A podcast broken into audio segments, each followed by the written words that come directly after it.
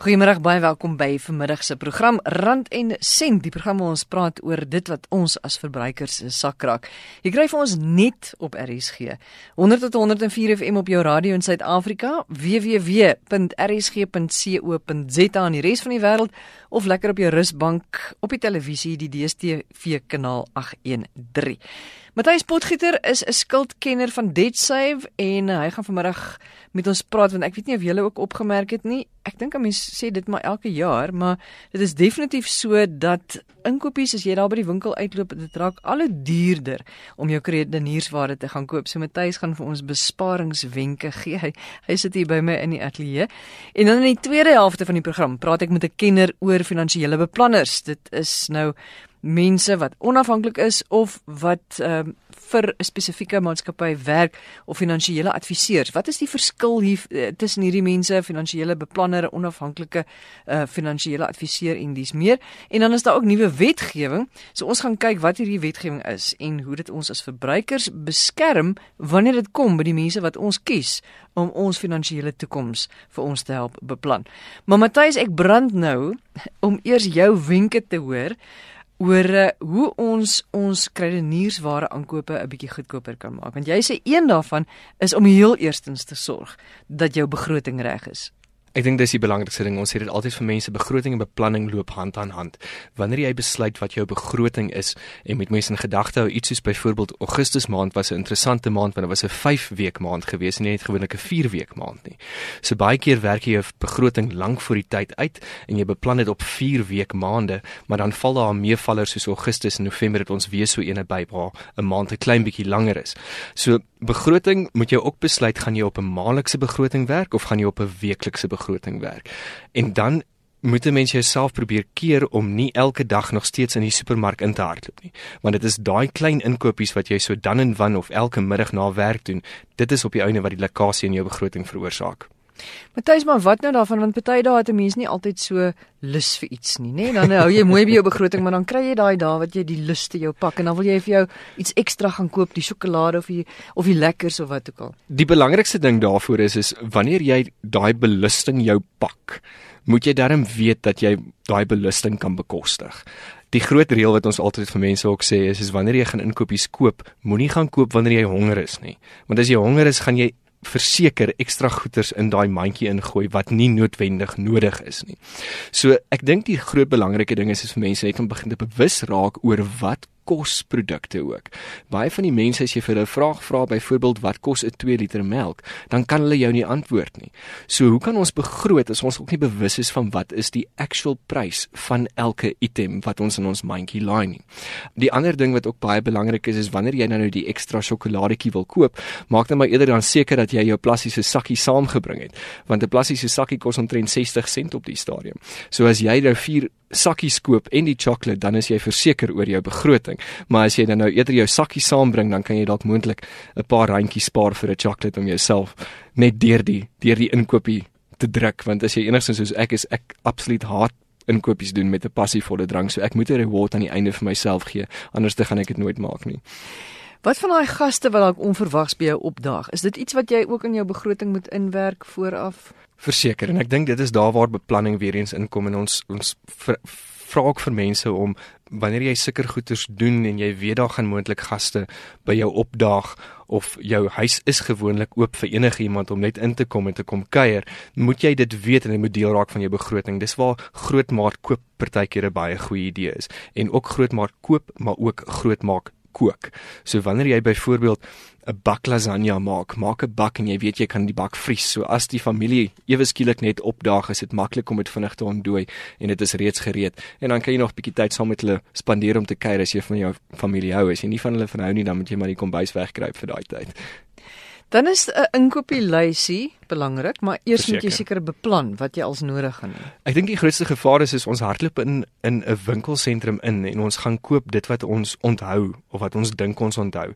En weer eens ek het dit al 'n paar keer vir myself ook gedoen. Ek hardloop in en ek weet ek moet die spesifieke 3 produkte gaan koop. Ek hardloop daar uit met alles behalwe daai 3 produkte.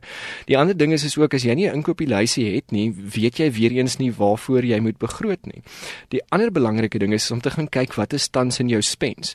Want want ons sal partykeer 'n pak suiker koop maar dan staan daar twee pakke suiker reeds in die spens. So daai is al nodige paar rand wat jy daai maand uitgegee het wat jy eerder op iets anders te kon geïnvesteer het. So inkopieslys as jy sonder ene in hardloop in 'n winkelsentrum en weet jy dit is 'n gevaarsone. Dan moet jy dalk seker ook nie altyd die kinders saamneem as jy gaan uh, jou inkopies gaan doen nie, nee, want dan is daar net ekstra onkoste.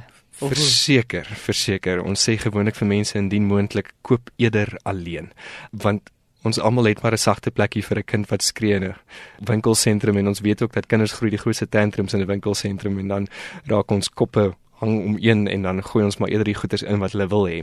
So dit is baie belangrik om eerder alleen te gaan gaan inkopies doen of die ander ding om aanlyn inkopies te doen. Jy kan dit in die aand laat aand in die bed sit en jy kan vinnig bestel en die volgende dag of twee dae later lewer hulle alles af by jou huis want die ander ding is as jy draai ook in 'n inkopiesentrum ingaan word 'n mens baie keer is daar baie afleidings van hierdie promosie of daai promosie en dan begin jy nader aan jouself oortuig dat jy dit eintlik nodig het maar eintlik het jy nie. So aanlyn is dit jy jy het jou lysie jy weet wat jy nodig het en jy kry dit vir agter die rug. Maar wat van afleweringskoste as jy aanlyn koop? Daar is versekerde koste daaromtrent maar jy moet dit oorweeg om te kyk wat is jou afleidingskoste en jou afleweringskoste wat er op jou einde is die hoogste. En jy moet ook onthou jy moet nog ry na die inkopiesentrum toe ja. dan moet jy parkeergeld betaal. En tyd tyd is baie baie kosbaar in vandag se se tyd en vir veral vir mense wat voldag werk.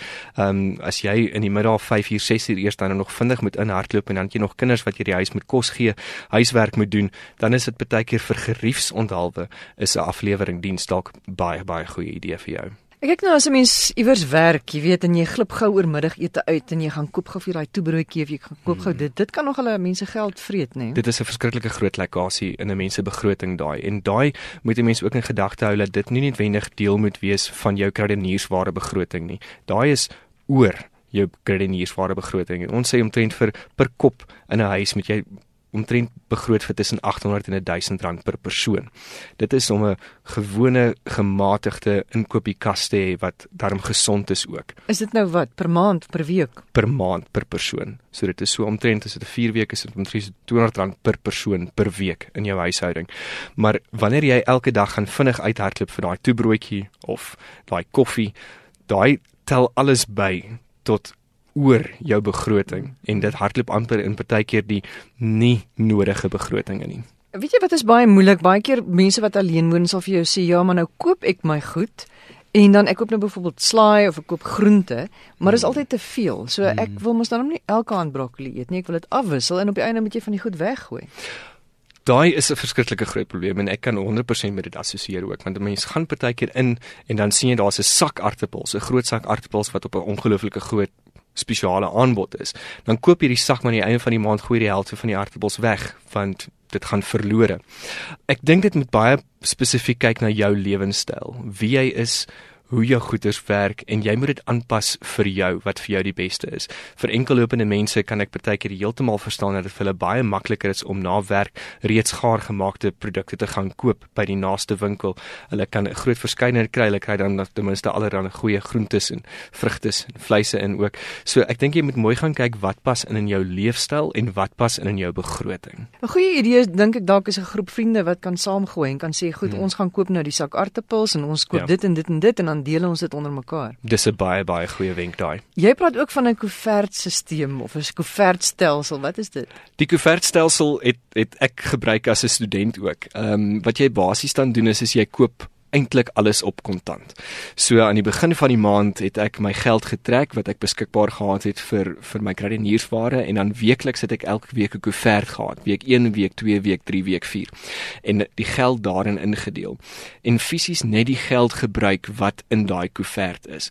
Die tendens wat ons kry in die Suid-Afrikaanse verbruikersmark op die stadium, die feit dat ons ons kaarte so sweep links en regs. Hmm. So jy besef nie regtig hoe daai geld verhandel uit jou rekening uit nie. Jy sal op een dag sal jy 4 of 5 keer jou kaart sweep en jy weet nie hoeveel geld daar uit jou rekening uit is nie. Maar sodra jy met kontant begin werk, daar gebeur iets sielkundig in 'n mens se kop want daar's 'n wisselwerking. Jy voel hoe daai geld uit jou rekening of uit jou beursie uitgaan. En dan maak 'n mens partykeer baie meer bewuste besluite om sommer net links en regs te sweep. Presies, dit bring jou 'n bietjie in kontak met die realiteit van hoeveel hoeveelheid geld Verseker. wat jy uitgee. En dan wat is daar nog? Ek neem aan 'n mens moet seker maar seker maak dat wanneer jy by 'n spesifieke winkel hulle huisproduk koop, dat dit nie altyd noodwendig goedkoper is nie. Dis verseker waar. Ek dink 'n mens moet ook baie mooi kyk na die bemarkingsfoefies. 'n uh, Handelaar gaan gewoonlik die produkte waarop hulle die beste winste maak, gaan hulle gewoonlik so ooghoogte pak. Daar waar jy presies in vaskyk wanneer jy jou mandjie dra. As jy net bo dit kyk of net onder dit kyk, is gewoonlik die pryse wat vir jou die beste gaan wees. Daar's gewoonlik so 1 of 2 rand verskil as jy gaan kyk op die rakke. En baie keer is daar die persepsie dat 'n uh, 'n huismark van 'n handelaar is verseker altyd goedkoper. Die afgelope naweek het ek self moes ek 'n produk gaan koop het en ek het gedog dat die die huisproduk gaan goedkoper wees, maar eintlik was 'n handelsproduk op die ouene amper R3 goedkoper gewees as die huisproduk. En ek dink dit kom net weer eens op daai bewustheid van wat kos die produkte. Kyk fisies na die prys wat jy daar sien en maak dan jou besluit.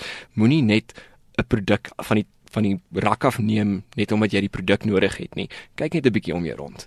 Is dit wys om partykeer is daar spesiale aanbiedinge? Is dit dan wys om winkel toe te gaan en 'n klomp daarvan te gaan koop en dit iewers op te gaar of nie? Ek dink dit is wys eerstens as jy dit finansiëel kan bekostig, as daar ruimte in jou begroting is daarvoor en tweedens as dit ook produkte is wat nie kan afgaan nie. Soos wat ons nou gepraat het oor die aartappels, dit help nie jy koop 'n groot sak aartappels en jy gooi die helfte weg nie, maar wanneer ons praat van blikkies kos of ons praat van produkte wat nie noodwendig kan afgaan in 'n lang periode van tyd nie, is dit verseker wys om jy gaan versekerde besparing maak oor die lang termyn, ja. Is daar nog iets wat jy kan sê wat ons nou nie oor gepraat het nie wat jy dink uh, baie belangrik is? Ek ek dink die belangrikste ding is is ook om om net regtig te kyk na jou wegneem etes en en hoeveel geld mense op die ouene spandeer per maand op wegneem etes. Dit is verseker baie goedkoper om eerder by die huis te eet en verbruikers gaan baie geld kan spaar om eerder 'n lekker familieete te hê by die huis en kry die kinders en die mense almal betrokke om die kos te maak en spandeer familietyd saam. Dis baie goedkoper as wat jy vinnig na werk in hardloop by jou naaste wegneem ete plek.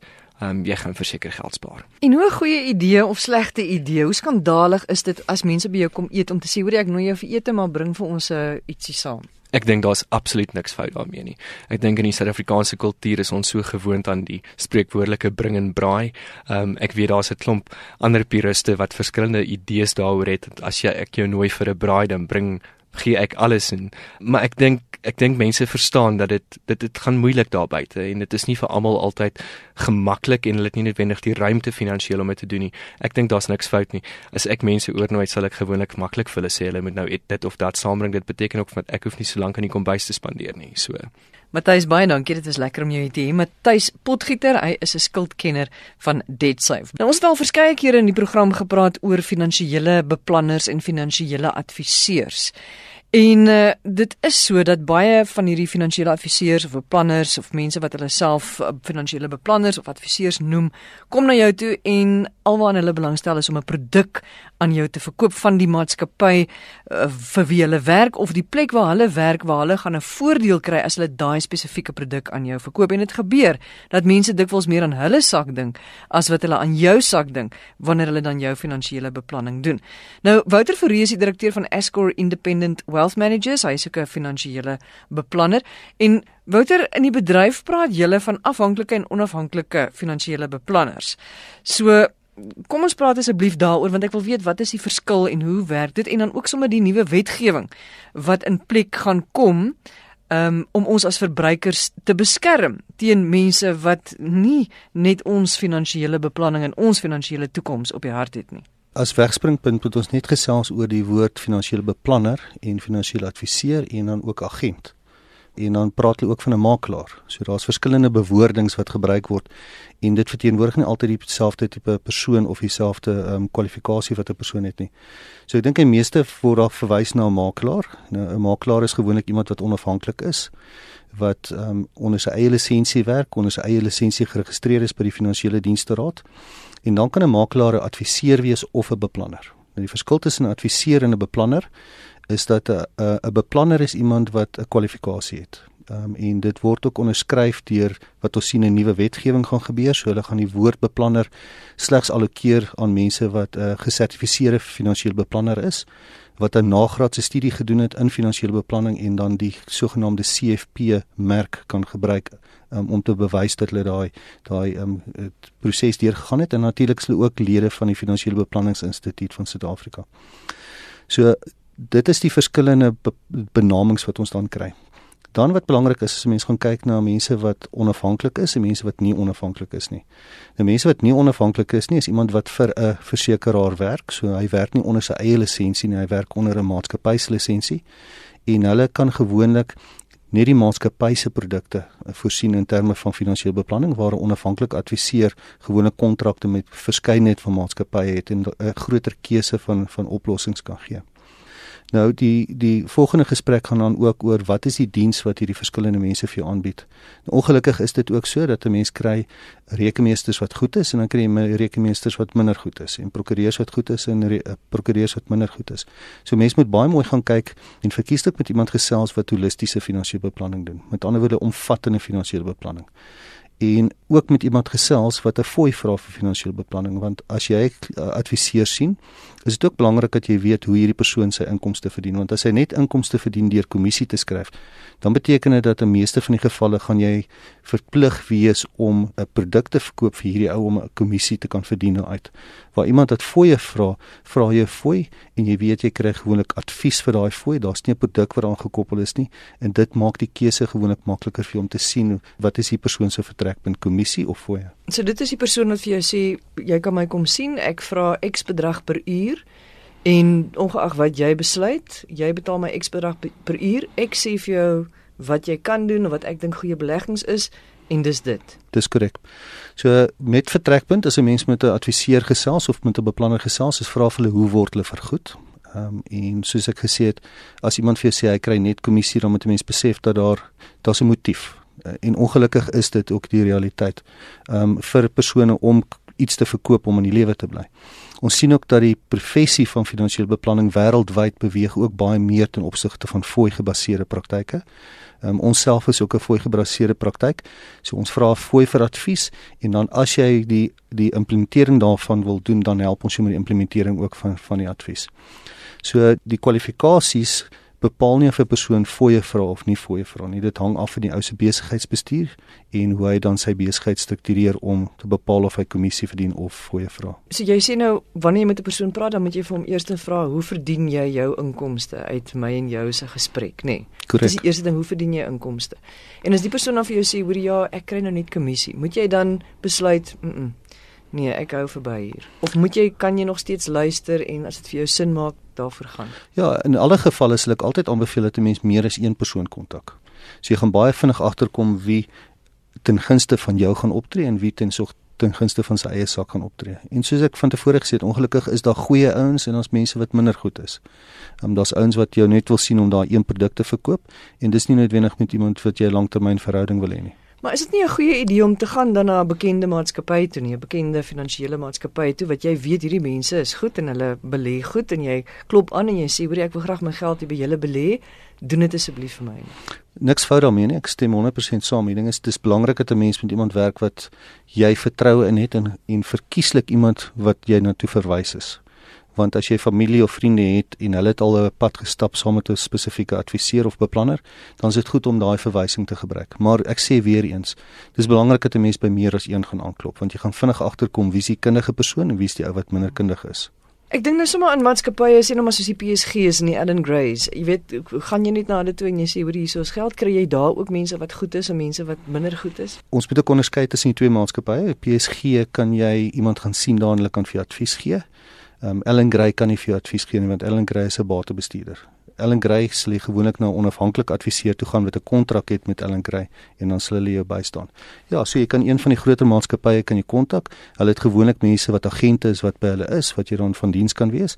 Maar weer eens met mense aan besef as jy met daai spesifieke maatskappy werk, gaan jy meeste meeste van die gevalle in hulle produkte moet belê en hulle produkte moet gebruik. Maar dis die ding want baie onafhanklike finansiële beplanners het kontrakte met sekere maatskappye. So jy weet ook nie of jy dit kan vertrou of nie.